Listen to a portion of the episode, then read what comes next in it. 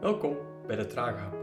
Vandaag een korte gedachte waar je lang op mag kouwen over Handelingen 2, vers 42 tot 47.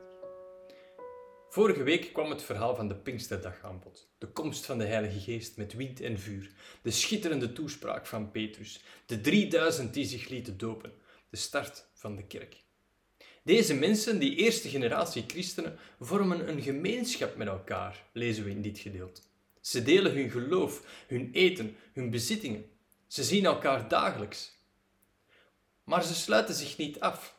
Het is geen commune die niets te maken heeft met wat er rondom hen gebeurt. Nee, het is een groep die net goed bekend staat bij het volk. Een gemeenschap die zich niet achter de muren terugtrekt. Ik vind dat prachtig. Nu, begrijp me niet verkeerd. Ik streef niet naar een verloren paradijs, alsof we alles moeten kopiëren van toen en alsof alles koekenij was bij die eerste christenen. Helemaal niet. Het boek Handelingen en Paulus' brieven maken duidelijk dat ze toen ook hun portie miserie hadden.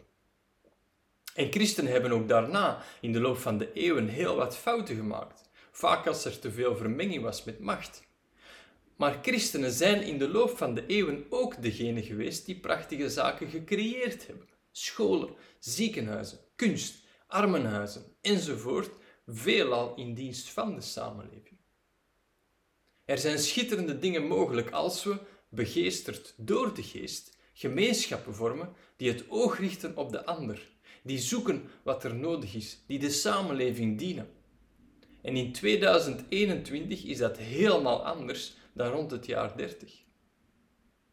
Laat dit gedeelte een aanmoediging zijn om vorm te geven aan de kerk als gemeenschap die zich niet afsluit, maar die met een open blik aanwezig is in de samenleving. Kou er maar verder op. Smakelijk.